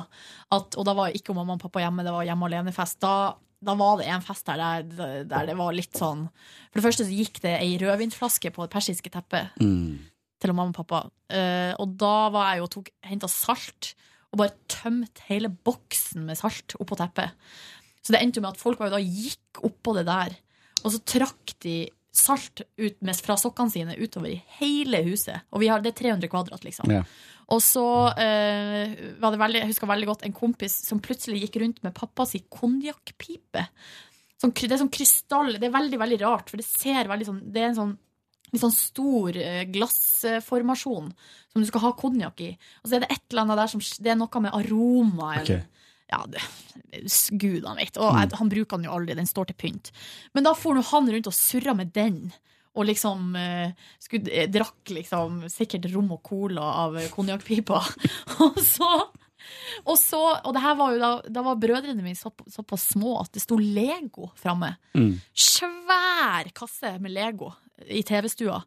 Og da klokka seks om morgenen så ligger jo da eh, noen kompiser har tømt Lego utover hele gulvet og ligger oppi der og ruller og leker med Lego. Og, og, og velter over øl. Så det blir øl i hele Legoen. Åh. Så jeg måtte jo da eh, Jeg måtte vaske all Legoen. Eh, for, altså sånn Hver enkelt liten bit. hver enkelt oh. bit. Fordi det setter seg jo lukt og sånn. Det blir jo Mm. helt krise, det blir klisjete og Nei. Men så vi, har det jo kommet fram i ettertid at han, eh, eh, broren, ene broren min, de knakk bordet på kjøkkenet. Og han har foren rundt frenetisk og lånt uh, trelim hos naboene. På en fest? På Nei, festen? dagen etter. Ah. Og lima bordet. Uh, og det oppdaga aldri mamma og pappa. Sånn at uh, da de kjøpte seg nytt bord, og det bordet ble kassert, da sa han det. Og så, Nå skal jeg fortelle er dere moden. historier om eh, bordet. Og det er alltid sånn gøy å ha Ah. sånne eh, Jeg også har noen sånne ting som jeg kunne sagt når det har gått lang nok tid. Ja, ja, ja, ja, Det er veldig morsomt når man eh, Og veldig morsomt da hvis Sånn som mamma kan bli litt sånn Han pappa blir så, Ja, han blir sur eller ja, sår. mamma kan, ja, mamma kan også bli sånn. I stedet for å bare le av det når det er en morsom historie, så kan det være sånn Og det sier du først nå. Ja, pappa, du husker når du kom og henta meg på bygdefesten da jeg var 16 år, så spydde jeg i handa mi Mm. i baksetet. Verst, verste historie sånn med er at jeg, vi eh, var så små at vi gikk med sånne lue med navn på. Ja, Det sto Kåre i blå bokstaver på den hvite, helt hvit altså, ja. hue. Og jeg og to kompiser av meg som var litt mer utforskende enn meg, var oppe i Du har jo bodd i Volda. Ja. Oppe i eh, eh, På idrettshallen der. Eh, og der, der er det liksom svømming og sånn, så det står åpent her, så man kan gå litt rundt i korridorene. Og vi, det var brus automat, og det var stas. Hvis vi hadde panta litt flasker, så hadde vi råd til å kjøpe oss en brus. Vi var ganske små, liksom. Men der skulle da Kåre debutere med snus. Å ja. Og det her var før poses, pose snus, da. Så det var, vi hadde sånn prismaster som vi Som du pakka snusen med. Og disse to kompisene mine, eh, la oss kalle de Frank og Bjørnar, de var litt mer Er det det de heter? Ja. De var litt mer eh, eh, De var litt mer uh, bevandra i, eh, i uh, Snusens eh, gleder og sorger. ja, de gikk ikke på søndagsskolen, sånn som jeg, For å si det sånn. Og så um, skulle jeg prøve det her for første gang. Vi satt inne i sånt avlukke på, i garderoben der. Uh, og jeg fikk uh, to priser oppi ja, på en gang. Kunne jo bare debutere litt uh, hardt. Og jeg forsvant inn i en rus. Jeg var, og jeg hadde sånn sånn Å, så deilig, å, så deilig. Og så plutselig så bare ble jeg grønn, tok av meg lua, og spydde rett i lua. Spydde du i kårelua? Spydde i kårelua. Nei. Og det var jo Alt spyet var jo svart, liksom. Så Ah. måtte vi inn til vaktmesteren, for det var vaktmesterkontoret. Låne telefon og ringe til pappa. Pappa kom og henta meg. Uh, jeg fortalte hva som hadde skjedd fra jeg spydde og utover. Selvfølgelig. og, og det var først sånn kanskje 15 år etterpå da, at jeg sa det til mamma og pappa. Dere husker den gangen? Da hadde jeg snust masse. det var derfor den var svart. Ja. Vel, vel. Hva du gjorde i går, da? Nei, i går så var jeg, jeg var jo hjemme om en tur og, og sov litt på sofaen og spiste og sånn. Og så var jeg på yoga hos uh, Naya, som Mm. jobba her før, hun som var produsent uh, før det. Som nå uh, Hun har jo gått på sånn yogakurs, og så nå driver hun og eh, på en måte øver seg, da. Eh, fordi at hun skal jo opp til en sånn eh, instruktørprøve på et vis. Hun skal få sånn instruktørbevis. Så da har hun to ganger i uka, så inviterer hun til yoga hjemme hos seg. Eh, helt gratis. Sånn at hun skal så er det, Hun bor jo i en sånn svær villa. Der det er et bibliotek som er Det er ikke så stort, da. Så i går så var vi seks stykker på yogatimen, og da var det ganske fullt. Eh, og så hadde vi en og en halv times yoga. Og det var det var ekstremt eh, deilig, fordi at jeg er veldig glad i yoga, men jeg går jo som oftest på yoga på Sats, som der det er sånn svært rom, og det er litt sånn Mm. kaldt, og uh, de demper jo ned lyset litt sånn, men det er liksom ikke så, det er ikke så koselig, liksom. Mens her var det jo veldig trygge omgivelser. Og så, det var så komisk da jeg kom dit, for jeg hadde jo aldri vært der før. Sånn at jeg tok bussen eh, til et sted, og så eh, var det sånne små eh, Det er sånne villastrøk, altså det er sånne ganske smale gater. Um, og så gikk jeg nedover ei sånn gate. Veldig sånn typisk med mobilen i handa eh, på liksom Google Maps. Og var helt sånn forvirra og liksom gikk og fulgte den blå, eh, blå prikken. Og så ser jeg i enden av gata, så kommer hun, eh, ei som heter Frida, som har jobba med Ramona Siggen og jobba litt med oss også. Så ser jeg hun kommer der nede i akkurat samme positur. Bare sånn surr, altså sånn med mobilen oppe og bare Ja, det var bare så utrolig komisk. Så fikk jeg meg en god latter der. Og så Skulle hun også på yoga, da? Hun skulle også på yoga. Så hun hadde også yoga, og jeg hadde yogamatte, og det hadde hun òg. Så vi, vi så på en måte helt like ut. Mm. Det var så tydelig hva det var vi skulle, da. Og så eh, finner vi nå rett adresse, går vi inn der. Og da kommer vi jo liksom inn i en gang. Eh, og der det er liksom masse dører, og liksom, og det var, vi, vi liksom hørte jo altså Vi hørte ingen, og vi visste ikke hvor vi skulle gå. Så går vi inn der, så kledde vi av skoen, og så bare Så tar vi liksom sjansen på å gå inn ei dør, og da kommer vi inn på et svært kjøkken. Og så er det ei dør som er lukka der. Eh, og så ser jeg etter lys bak den døra, og så hører jeg eh, Maria Rivedal kvitre sånn der inne, ikke sant? Så da, eh, så da tenkte jeg jo at det yogarommet For Naya har jo fortalt om hvordan det ser Altså at det er et bibliotek og liksom sånn. Så, så da hadde jeg på en måte sett for meg veldig sånn mentalt at da jeg åpna døra, så skulle vi liksom komme inn i det rommet. Og så, der, så, og så er det helt mørkt på kjøkkenet. Så går, så går jeg bort til døra, føler meg fram og finner liksom dørhåndtaket. Så åpner jeg opp døra sånn, hallo, og så åpner døra. Og så ser jeg liksom rett inn i ræva på Maria som står og skifter på et bad. Et stort, Eh. hvitt, flislagt bad. Så da Og det var så sjokk! For det var liksom ikke det. Hun var ikke naken, altså. Hun hadde på seg tru- hun bare Mm. skulle skifte buks, eh, Mm. bukse.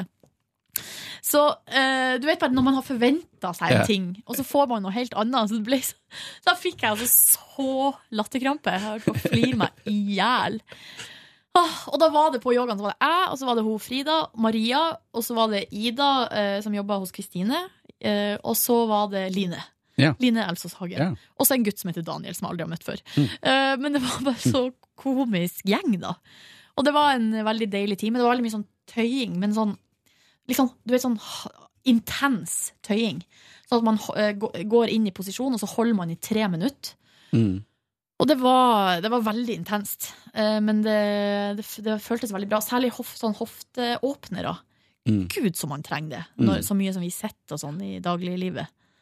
Ja, fy fader, ass. Kan tenke meg at Naya er skikkelig flink som Ja. yogainstruktør. ass. Hun er jo så, hun er så eh, varm Mm. og lun og liksom eh, trygg. Og, ja, Mm. man, og jeg er jo veldig stiv, og sånn, så jeg føler meg jo ofte veldig dum i, de, i den settingen. For jeg bare føler at jeg liksom ikke At jeg liksom ikke får det til, hvis du skjønner. Men hun Mm. er veldig sånn uh, Gir mestringsfølelse og liksom Lager trygge rammer, da, som at man ikke føler seg dum eller noe sånt. Så det var en veldig fin time, så det skal jeg prøve å komme meg på eh, flere ganger. Det er artig å møte altså, For det er jo to fluer i en smekk.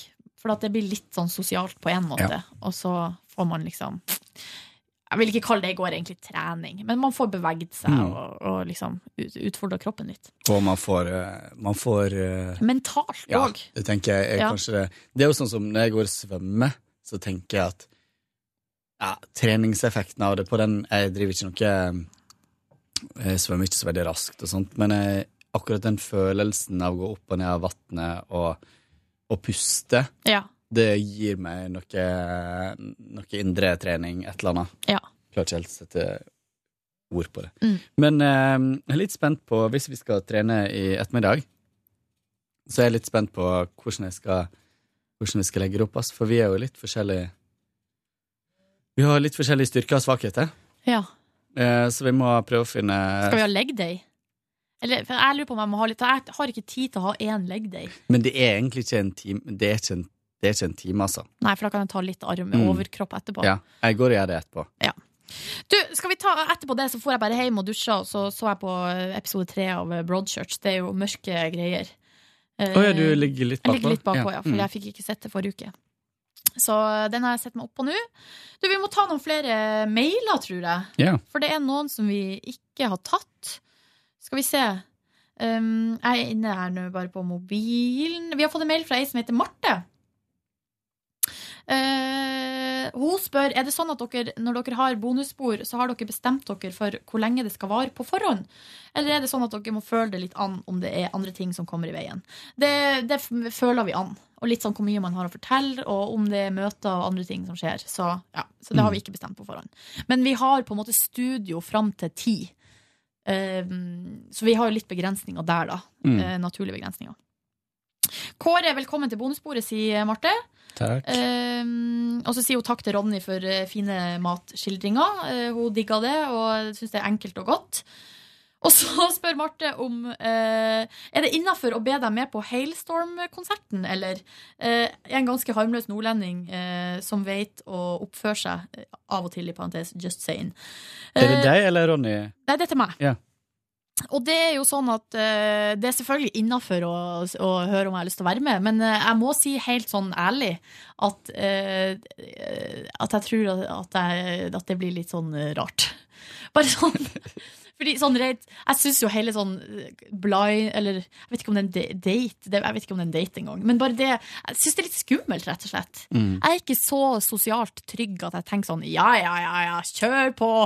Det tar jeg på strak arm. Jeg må Nei. Det må, det må jeg føler meg ikke helt komfortabel. Men veldig, veldig koselig å, eh, at du spør da, Marte, hvis det er det du jeg gjør sånn litt indirekte. Altså, Hailstorm, jeg hadde jo sånn litt et crush på hun som søng i det bandet i fjor. Så det er vel derfor hun spør, da, Marte.